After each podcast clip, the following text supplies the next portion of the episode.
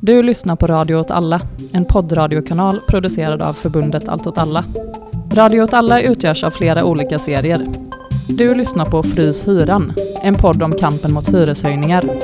För mer information, gå in på fryshyran.se.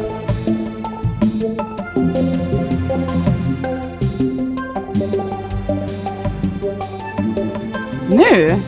Hej! Hej! Jag sitter här tillsammans med Anna Hej! och Hector. Hej hej! Och jag heter också Anna. Och vad var det vi såg nyss för någonting? Vi såg ju eh, kampanjfilmen för en eh, kampanj som vi Allt åt alla släpper idag, som heter Frys hyran. Woohoo! Fantastiskt! Eh, Spontana applåder utbryter. precis. Ja, och det här är alltså det hemliga avsnittet. Och det är hemligt för att vi lanserar en kampanj som tidigare ingen har vetat att vi skulle göra. Precis. Förutom Förutom våra vi. vänner. Förutom våra vänner och vi och kanske en del andra. Men nu kommer äntligen den breda allmänheten att få höra allt om det här. Eh, så i det här avsnittet så ska vi prata lite om bakgrunden till den här kampanjen. Eh, varför vi har valt att vilja driva den. Vi kommer prata lite om vilka argument vi ser för att frysa hyrorna. Och eh, vad vi vinner på att göra det här. Och även vad ni kan göra om ni vill engagera er i den här kampanjen. Så då kör vi! Ja. Ja, alltså vi vill då frysa hyrorna i Malmö. Och det här är ganska mycket i linje med vad vi i Allt åt alla tidigare har pysslat med. När jag gick med i Allt åt alla så var det för att jag visste att allt åt alla hade ett långt engagemang i rätten till staden-frågor och så. Och när jag kom med så började vi med ett ganska långt projekt som handlade om att försöka driva frågan om rätten till bostad för hemlösa EU-migranter i Malmö. Så det var så jag kom in här. Och sen dess har vi liksom fortsatt med den här typen av frågor på olika sätt, vilket har lett fram till den här kampanjen som vi vill sjösätta nu. Så jag undrar, Hector, skulle du kunna berätta lite om den här bakgrunden, vad som ledde fram till det här? Eh, För Allt åt allas del? Eller? För vår och allt åt allas. För Allt åt allas del? Nej men jag tänker att Allt åt alla sen början har hållit på med frågan om rätten till staden. Och som du säger, det arbetet kring eh, hemlösa EU-medborgare som liksom sen utvecklades till att eh, driva ett arbete ganska riktat mot hyresvärden Heimstaden och liksom den typen av ganska aggressiv bostadspolitik som de förde och liksom med, med kraftig, eller någon typ av gentrifieringspolitik som blev väldigt tydligt i och med att Heimstaden äger ett väldigt stort bestånd på, på Möllevången där vi har varit aktiva länge. Eh, så det har varit liksom en språngbräda och sen de senaste åren har vi kanske jobbat mer allmänt mot, hur ska man säga, alla hyresvärdar eller liksom så allmänt bostadspolitiskt helt enkelt och att det är lite peggade upp för den här eh, kampanjen som vi släpper nu. Där vi liksom också har funderat kring hur vi kan bygga och kroka i en, en bostadsrörelse som finns runt om i Europa och världen. Eh, liksom kroka i där och driva ett tydligt politiskt krav liksom. Man kan väl också säga med fryst hyra också bara se vad det är och det är väl liksom egentligen att man typ stoppar hyres, alltså att inga hyreshöjningar liksom får, får hända på, på inget sätt liksom. Precis. Att ingen hyresvärd, varken kommunal eller privat, ska få höja hyran en enda krona mer. Det är vårt krav. Det är vårt krav. Anna, ska du fortsätta berätta lite om vad som Mm. ledde fram till den här kampanjen? Ja, och jag kom in i det här arbetet lite senare än ni. Eh, Jag gick med i Allt i somras och då var det att jag såg det här eh, Heimstaden-kampanjen. De här klistermärken som ni kanske har sett eh, i Heimstadens skyltar där det står Heimstaden höjer din hyra. Eh, och jag hade liksom funderat på att bli politiskt engagerad och specifikt i de här frågorna. Eh, också, jag pluggar arkitektur så jag är liksom intresserad av det här ämnet i stort. Och eh, det var lite som att de här klistermärken följde mig en hel sommar. Så jag till slut bestämde mig, okej, jag går på ett möte. Och ehm, då var det att det här liksom, idén om en kampanj började liksom konkretiseras lite mer den, den tiden. Ehm, så när jag började så var det några st- stora möten med hela liksom, bostadspolitiska arbetsgruppen och där vi diskuterade exakt vilka krav det skulle vara. Eh, och eh, det fanns redan några idéer om, om frysta hyror som också hade att göra med att Berlin hade eh, kämpat för det och, och fått igenom det. Du vet lite mer om det. Ja, men vad man kan säga med Berlin. Berlin har liksom länge haft, eller Tyskland generellt har haft en rätten till staden-rörelse som har varit liksom väldigt eh, tidig, kan man säga. Eh, men i Berlin så började man driva, liksom det blev egentligen, kom egentligen ur en kamp i Kreuzberg om ett område runt Cottbusser Tor. Jag behöver inte dra hela den historien, men där de liksom framtvingade en, en folkomröstning som byggde på att stat, eller kommunen eller Berlins stad inte fick sälja ut eh, allmännyttiga bostäder till, till privata. Och sen så liksom har det gått vidare och blivit en större rörelse där man har liksom skapat nu, eller det de egentligen har kämpat för är liksom en återförstatligande eller liksom ett maktövertagande över eh, fastighetsbolagen och som nu har lett till en delseger i att de eh, håller på att liksom typ, har typ vunnit att frysa hyran. Det är liksom lite juridiska eh, grejer kvar där, men det, det har varit liksom deras grej. Så de har egentligen haft ett annat fokus men vunnit den här delsegern om frysta hyror eh, under tiden. Mm. Eh. Och jag tänker lite att, eh, eller för, som jag har förstått den här processen, så har det också handlat lite om att att Totala har jobbat väldigt mycket i, runt Mellevången och, eh, och att nu den här kampanjen handlar också lite om att, om att vreda sig till, till liksom Malmö mm. i stort. Eh, och ta, ta oss an liksom med det här liksom, problematiken för, till sitt grund. Liksom. Där såklart man kan hålla på med Heimstaden mm. och skämta och störa dem, men det som kommer verkligen liksom, eh, påverka dem mm. är just att vi till exempel fryser hyrorna så att de kan inte fortsätta göra vinst för fastighets, eh, ja, för sina hyresgäster. Precis, och när vi jobbade med hyresgäster på Möllan eh, framför allt, men även i andra stadsdelar så var det ju just hyreshöjningar som var ett mm. återkommande problem av olika slag, både de som man möter i den årliga hyreshöjningen men också hyreshöjningar till följd av olika typer av standardshöjande åtgärder, vilket trängde ut folk från deras lägenheter och så vidare. Och man fastnar så lätt i en bostadspolitisk rörelse att vara emot saker mm. som händer att nu ska vi vara emot marknadshyror naturligtvis. Vi ska vara emot vad Heimstaden gör. Men vi kände väl också väldigt mycket att det var dags att föra en egen agenda någonstans och komma med ett mer mm. progressivt krav mm. som vi kan ha i grunden, snarare än att bara reagera på all den här skiten. Precis, liksom en idé om hur vi vill att eh, bostaden ska fungera i samhället, vad bostaden ska ha för funktion i samhället och hur den ska styras och liksom vem som ska ha makt över den. Precis, att annars, ja. Jag känner igen den. Ja, liksom att eh, det liksom politiska samtalet har handlat om problemen som vi kanske inte anser vara grunden till, alltså till exempel kriminalitet. Och, eh, det snackas inte om, om bostad, det snackas inte om tryggheten på arbetsplatsen. Alltså det, de faktiska grundläggande problemen i Malmö är liksom inte i agendan mm. eh, som de borde vara. Så det här handlar också om att liksom börja uppmärksamma de frågorna. Ja, vi kan ju säga det också lite vad som händer, hur det ser ut i Malmö egentligen. Alltså, Malmö är ju en av Sveriges fattigaste städer, mest segregerade städer. Eh, det är en av städerna som har de mest trångbodda områdena i Sverige. Också väldigt höga nivåer av hemlöshet. Höga nivåer av hemlöshet för barn. Det är alltså en bedrövlig bostadsmarknad som finns i Malmö just nu. Och samtidigt så är Malmö den stad i Sverige där hyrorna höjs i snabbast takt. Och då kan man säga att ja, det är för att vi har haft låga hyror här traditionellt, men fortfarande så höjs de väldigt snabbt och det enda det drabbar är att folk får trängs ut från staden, folk får lägga allt större del av sin, hyra, eh, av sin inkomst i hyra. Och allt fler mår otroligt dåligt på olika sätt av det här. Så det var lite också en bakgrund till varför det här kravet också är livsnödvändigt just nu. Ja.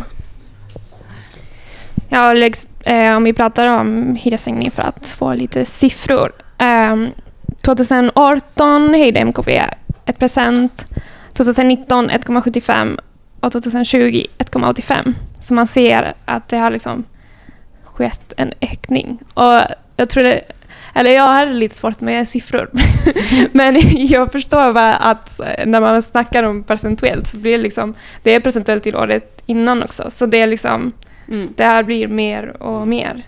Och vi snackar om NKB och inte om de privata hyresvärdarna. Och sen vad de privata gör också som vi har försökt kartlägga och kämpa mot i vårt arbete tidigare mot bland annat Heimstaden, Victoria Park och andra hyresvärdar är ju just också de här alla andra typerna av hyreshöjningar de gör också. Mellan de här stora hyreshöjningarna som sker varje år ändå. Så är alla de här små sakerna, vi har satt in en porttelefon, 100 kronor mer i hyra. Nu ska ni få blanka skåp i köket, mm. 200 kronor mer i hyra. Och det är allt sånt som det är dags att forma en bostadspolitisk rörelse som säger nej till, tror vi. Ja. Och alla de här renoveringarna, alltså de kraftiga renoveringarna när folk flyttar ut som liksom skapar andra typer av bostadsområden när man höjer hyrorna med liksom plötsligt med 20, 30, 40 procent. Eh, liksom för att, bara för att man har ett helt kaklat badrum och låtsasparkett i vardagsrummet. Liksom. Anna, som du nämnde så 2020 så höjdes hyrorna med 1,85 procent och det var ju nu i april, mm. mitt under corona. Ja, och det kan man tänka att det är lite Alltså mitt där andra länder som i Frankrike eller ja, i södra Europa mest har det varit att eh, regeringar har eh, sagt att de ska slupa boendekostnader och eh, ja, i Sverige har det inte hänt någonting i det planet och istället så har vi fått en hyreshöjning eh, som har varit liksom högre än året innan. Mm. Och det är ingen som har liksom ifrågasatt det här. Mm. När det är folk som har tappat sin eh, försäljning och, typ, och kommer inte alls kunna betala hyran mm. kanske. Eh, så det här ser vi som en väldigt... Eh, det känns bara som att ingen tänker på, på människor. ja men verkligen att man går in och stöttar eh, företag och näringslivet med mm. hundratals miljarder men man liksom, att, eller man ser ju var, var fokus hamnar i det. Och för att liksom ge också perspektiv i att fastighetsbranschen är en bransch som har gått otroligt bra de senaste tio åren. De gjorde, eller det har ju alla företag varit ganska tydliga med också, att de gjorde enorma klipp under, under finanskrisen 2008 som i stor utsträckning var en, en fastighetsbubbla som man kunde köpa stora eh, fastigheter väldigt billigt liksom. Man har liksom delat ut miljarder till sina rika aktieägare och sen så liksom Ja, eh, Malmö, alltså Malmö stad har också Absolut. pratat om att eh, att eh, deras MKBs lokaler och så eh, ska få eh, rabatt i, i hyran. Mm. Jag kan inte exakt det här, men det är något som har diskuterats. Och det handlar inte om frisören på Hörnet eller mm. det handlar om Malmö Live till exempel, att de ska få mm. hyresrabatter och alla hyresgäster får liksom en hyreshöjning istället. Mm. Um, så men i andra delar av eh, Sverige har det också kommit upp andra eh, initiativ just i, med, på grund av den här krisen som vi är i. Och Ort till Ort har eh, ställt ett krav eh, under corona. Precis, Ort till Ort är en organisation som vi tycker väldigt mycket om, som finns i Stockholm, eller baserad i Stockholm och förorter däromkring, och som har jobbat mot rännovräkningar framför allt, och stoppat det. Och de har ställt ett antal coronakrav, varav ett är slopade hyror under maj, juni och juli, som vi självklart backar. Vi tycker inte bara att man ska frysa hyran under corona, vi vill inte ha någon hyra då. Så man kan stödja det här jättevettiga kravet genom att gå in på deras Facebook-page och signa upp på deras namnlista. Så det tycker jag verkligen man ska göra. För det är ju någonting, precis som ni är inne på, så får vi höra nyheter hela tiden nu där de går ut och pratar om hyresstopp.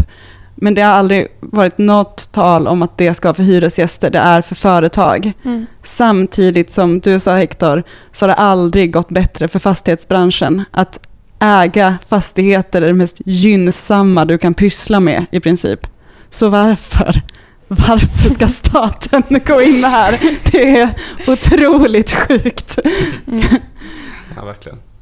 Men vi vill liksom eh, tänka liksom långsiktigt och att det här eh, pandemin kommer förhoppningsvis eh, sluta. Och, eh, och då kommer antagligen många också drabbats eh, ekonomiskt. Men även innan eh, så har vi haft liksom, ett problem. Så därför vill vi liksom, titta på det här långsiktigt och vad är det vi kan börja göra eh, för att förändra bostadspolitiken. Eller ha en bostadspolitik. För att det känns inte som att Malmö stad har en tydlig bostadspolitik, en idé om hur folk ska bo och hur det ska påverka staden i stort också.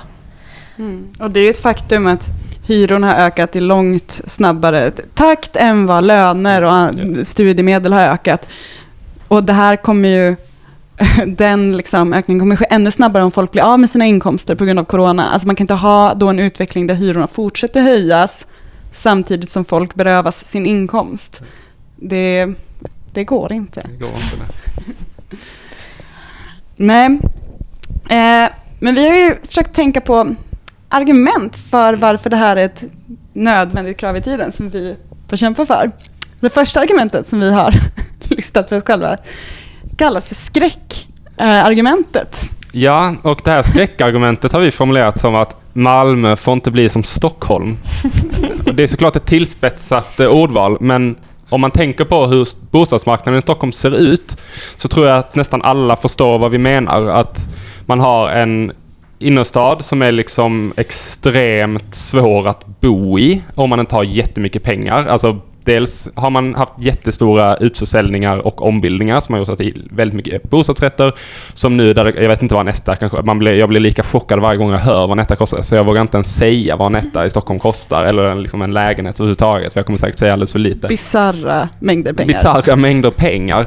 Eh, och liksom så klart att det finns eh, liksom, eh, hyresrätter kvar i Stockholm men som genomgår exakt samma av de här förändringarna som vi har beskrivit också sker i, i, eh, i Malmö och där människor tvingas, de som bor i de här lägenheterna tvingas lägga en väldigt stor del av sin inkomst på eh, hyra varje månad. Och sen så märker man också hur företag Alltså jag tycker att det här har varit väldigt tydligt just i Stockholm efter 2008-krisen och så, när man har sett att företag har köpt upp i princip alltså väldigt stora bestånd i väldigt, alltså ganska centrala närförorter kallas det, närförorter kallas det väl i Stockholm.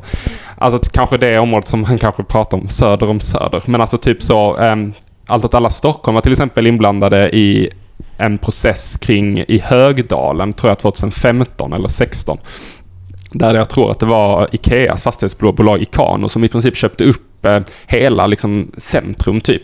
Och gjorde den här typen av åtgärder där man gick in och höjde, eh, eh liksom renoverade upp Eh, fastigheterna och höjde hyrorna väldigt mycket. Så den effekten har man ju sett och där människor som inte har liksom, den typen av kapital liksom, trycks undan från sina eh, kvarter där de kanske har vuxit upp eller bott i jättelänge där de trivs, har sina vänner, trycks undan, trycks längre bort från stadskärnan och liksom hela tiden pumpar in. Och det gör ju också att städerna blir ganska, liksom inte så... De blir liksom också liksom döda städer på något sätt och att bostäderna i de här städerna Eh, blir bara ett medel för spekulation. Jättemycket står ju till exempel tomt i Stockholm, alltså av, av bara praktiska skäl. Att det är all, typ att folk vet att om jag köper en lägenhet här och säljer den om tio år så är det säkert en ganska säker investering. Eh, och liksom man har jättemycket kontorslokaler och så. Så man liksom ser en väldigt, väldigt ojämlik stad i Stockholm.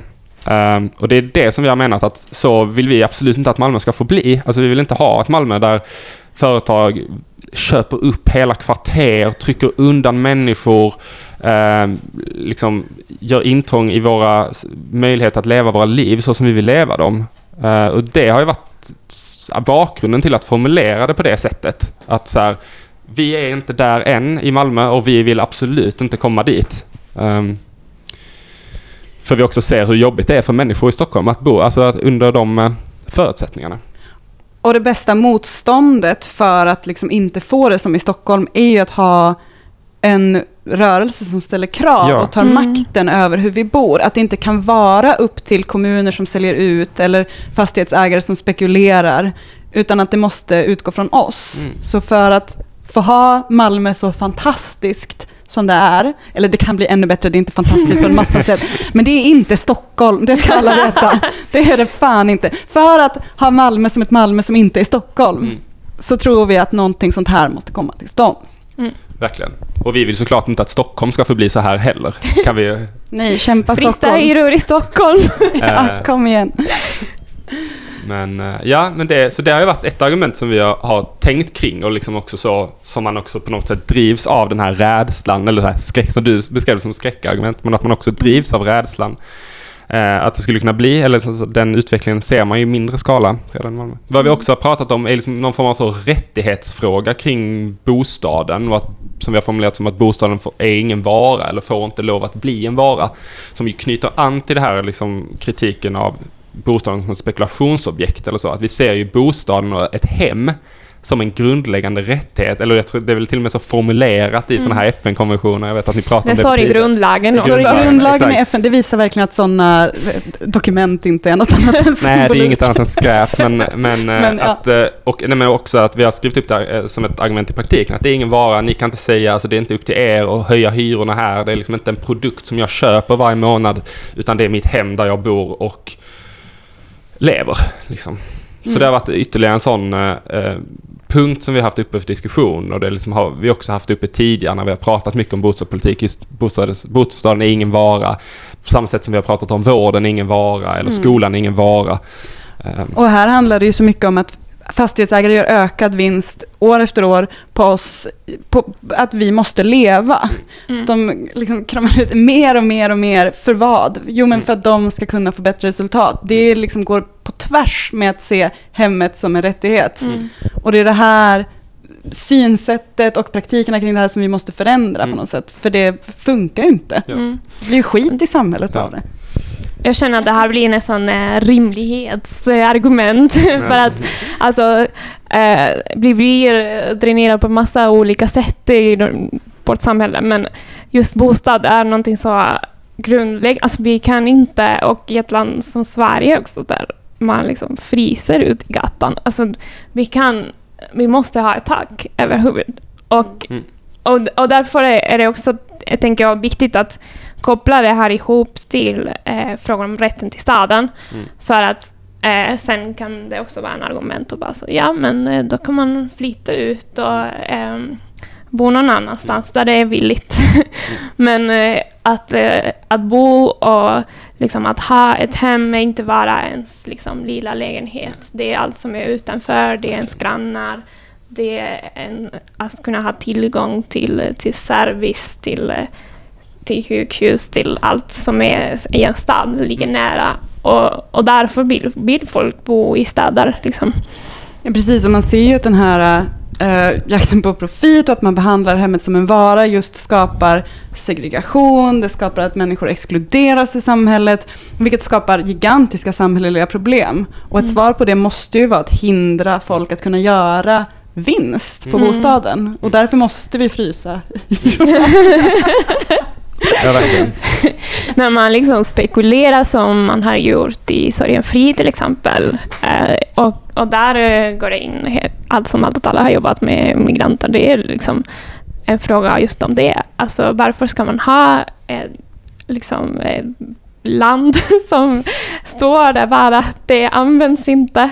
De bara väntar på att Sorgenfri ska vigas mer och att det ska liksom den marken ska, ska kosta mer för att kunna sälja. Det är sjukt. Precis, det finns ju ingen aspekt av att man vill göra livet drägligt för sina hyresgäster. Jag tycker man ser det också till väldigt mycket i typ så hur Victoria Park har jobbat som liksom nu är involverad i någon typ av insiderbrott för att man sålde sig själva jättedyrt till eh, ett tyskt bolag istället och där man till exempel hade på Möllevången att man liksom försökte lura pensionärer att renovera sina lägenheter under semestern eh, och för att sen liksom skicka en, en, en, en, en ny hyresavi. Alltså det är liksom helt ja, jag vet inte vad man ska säga. Det är liksom... Ja, men att frysa hyrorna innebär att få företag att sluta bete sig som skurkar, bokstavligen. ja, för att de är skurkar liksom. Ja.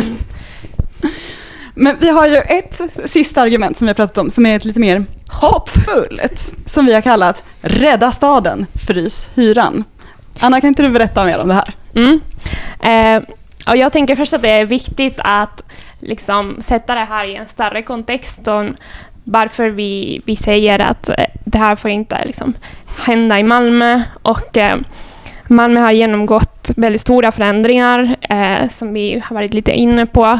Men eh, sen ungefär kanske 90-talet kan man säga att eh, det har liksom byggts ny infrastruktur och eh, hela Malmös identitet har liksom, eh, förvandlats till det här med kunskapsstaden och, och det här väldigt rik historia som Malmö har av, av kamp, av liksom en, en stad som är väldigt präglad av liksom socialdemokratin också.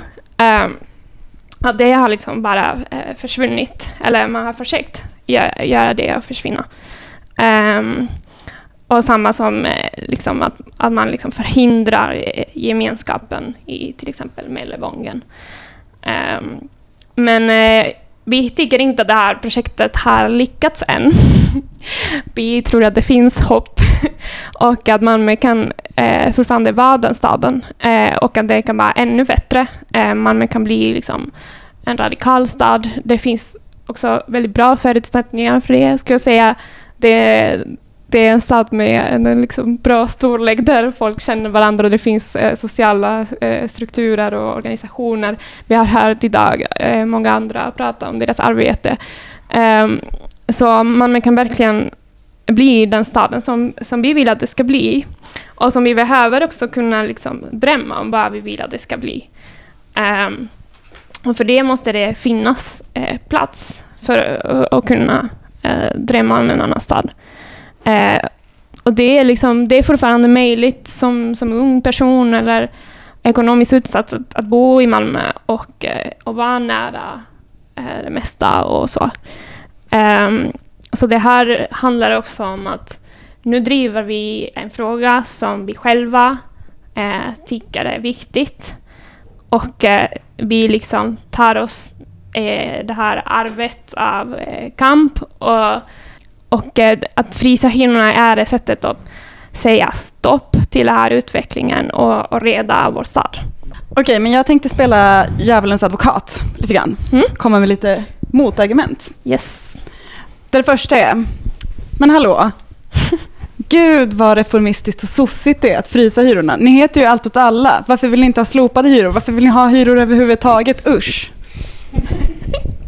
Uh, och det tycker jag är en rimlig invändning, uh, så, uh, om man formulerar det på det sättet. Jag tänker att vi ser den här kampanjen som ett startskott för att driva en, en bostadsrörelse som formulerar radikala krav och med liksom målet om att man ska ta makten över bostaden som, som liksom funktion. Eller liksom, och då tänker vi att det, är ett ganska, att det är ganska rimligt att börja på det här sättet, att det är en start. Och jag tycker, och sen tycker jag egentligen inte att kravet fryshyra är särskilt reformistiskt och sossigt. Om man tänker att ingen hyresvärd får någonsin höja hyran var de... Alltså så här, jag, tycker, jag, tycker, jag tycker inte att det är jättesossigt. Jag förstår att det kan finnas... Uh, jag förstår invändningen, men jag, mm. jag ser det som, som en, liksom ett, en långsiktighet, ett projekt som Eh, Eh, där vi vill liksom starta och, och, samla en rörelse, organisera den för att kunna formulera radikala krav om hur vi förvaltar bostaden i samhället.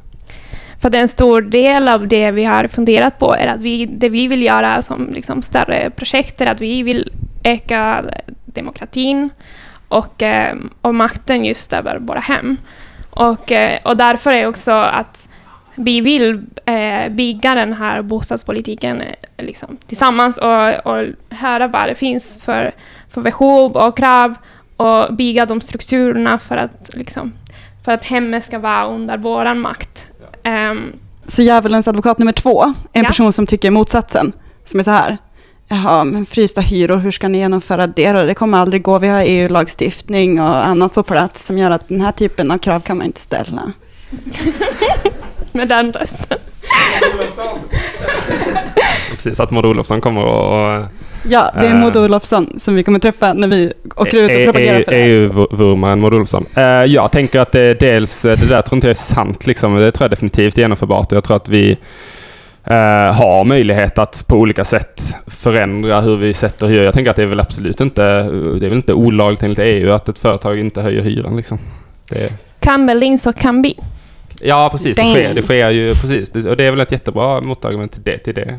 till Maud Olofsson-argumentet. Att det, att det händer i, i andra delar av uh, världen. Det händer i EUs hjärta, Tyskland. I EUs hjärta, Berlin.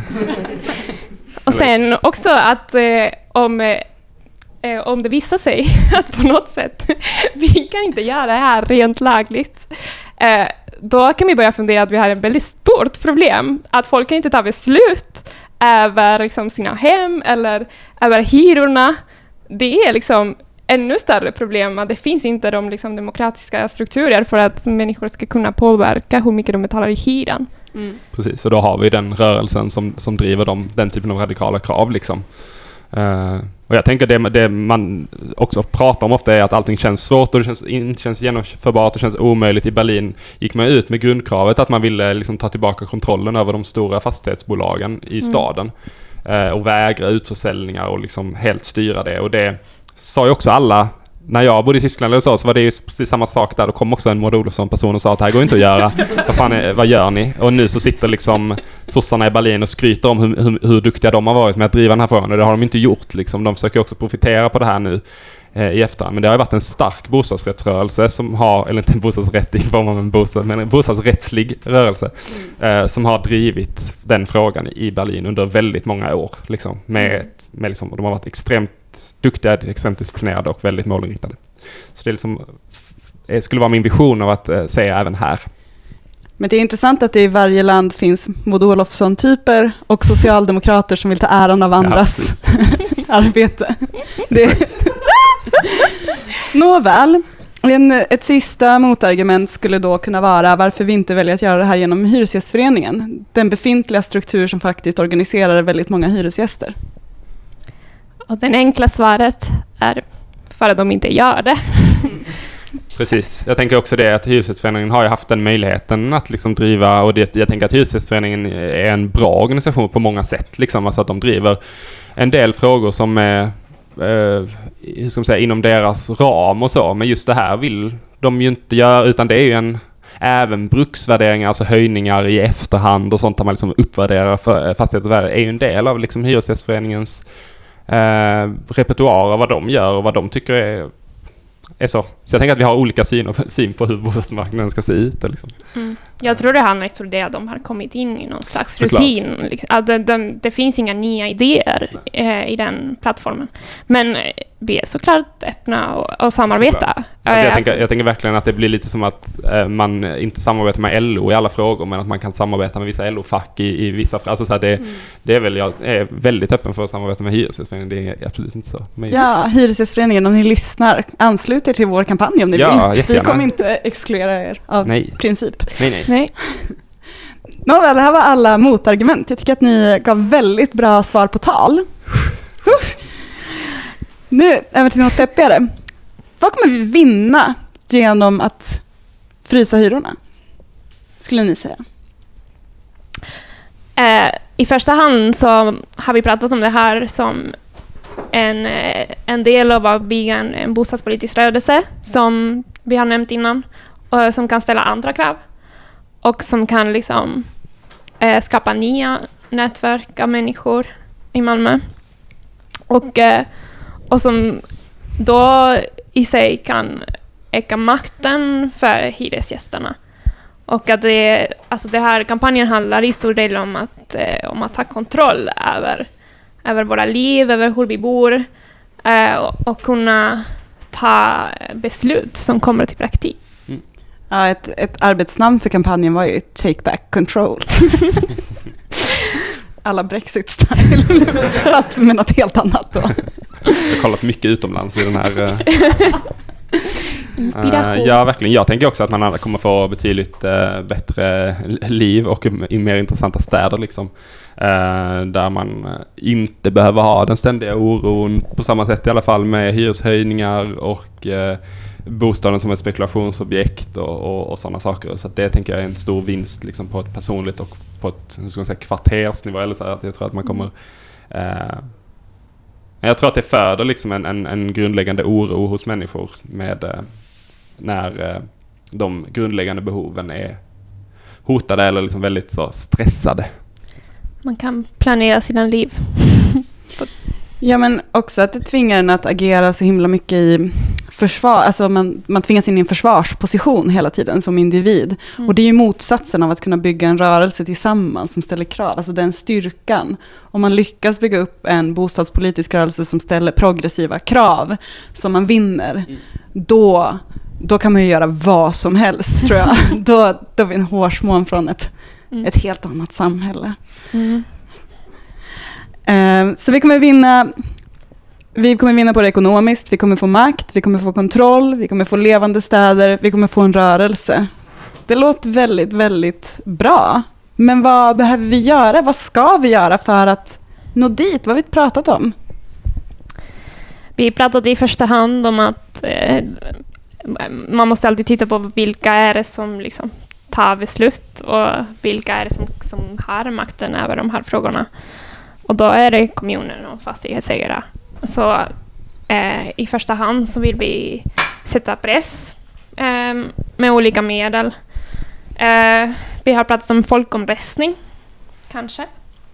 Eh, men det finns eh, såklart andra sätt och, och det tror jag också att vi kommer liksom undersöka Mm.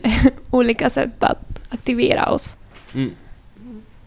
Det tänker jag också verkligen och att organisera oss, liksom organisera individer och grupper för, för att ställa de här kraven liksom och, och visa på den massan, på något sätt, eh, liksom, den makten som finns i den massan och så. Och Mm. ställa de kraven, som du säger också. Sätta den pressen. Och då kanske typ ett första steg som vi behöver göra är att, att lära känna varandra, lära känna våra grannar. Eh, börja få ut eh, det här kravet för att kunna skapa det här liksom, eh, bred rörelse. För att om vi ska kunna få igenom det här så behöver vi övertyga dem, eh, sosse, och att de ska ställa sig bakom. Eh, så nu handlar det väldigt mycket om att få ut eh, det här kravet. Precis. Och utveckla den här rörelsen tillsammans liksom. Eh, skapa det.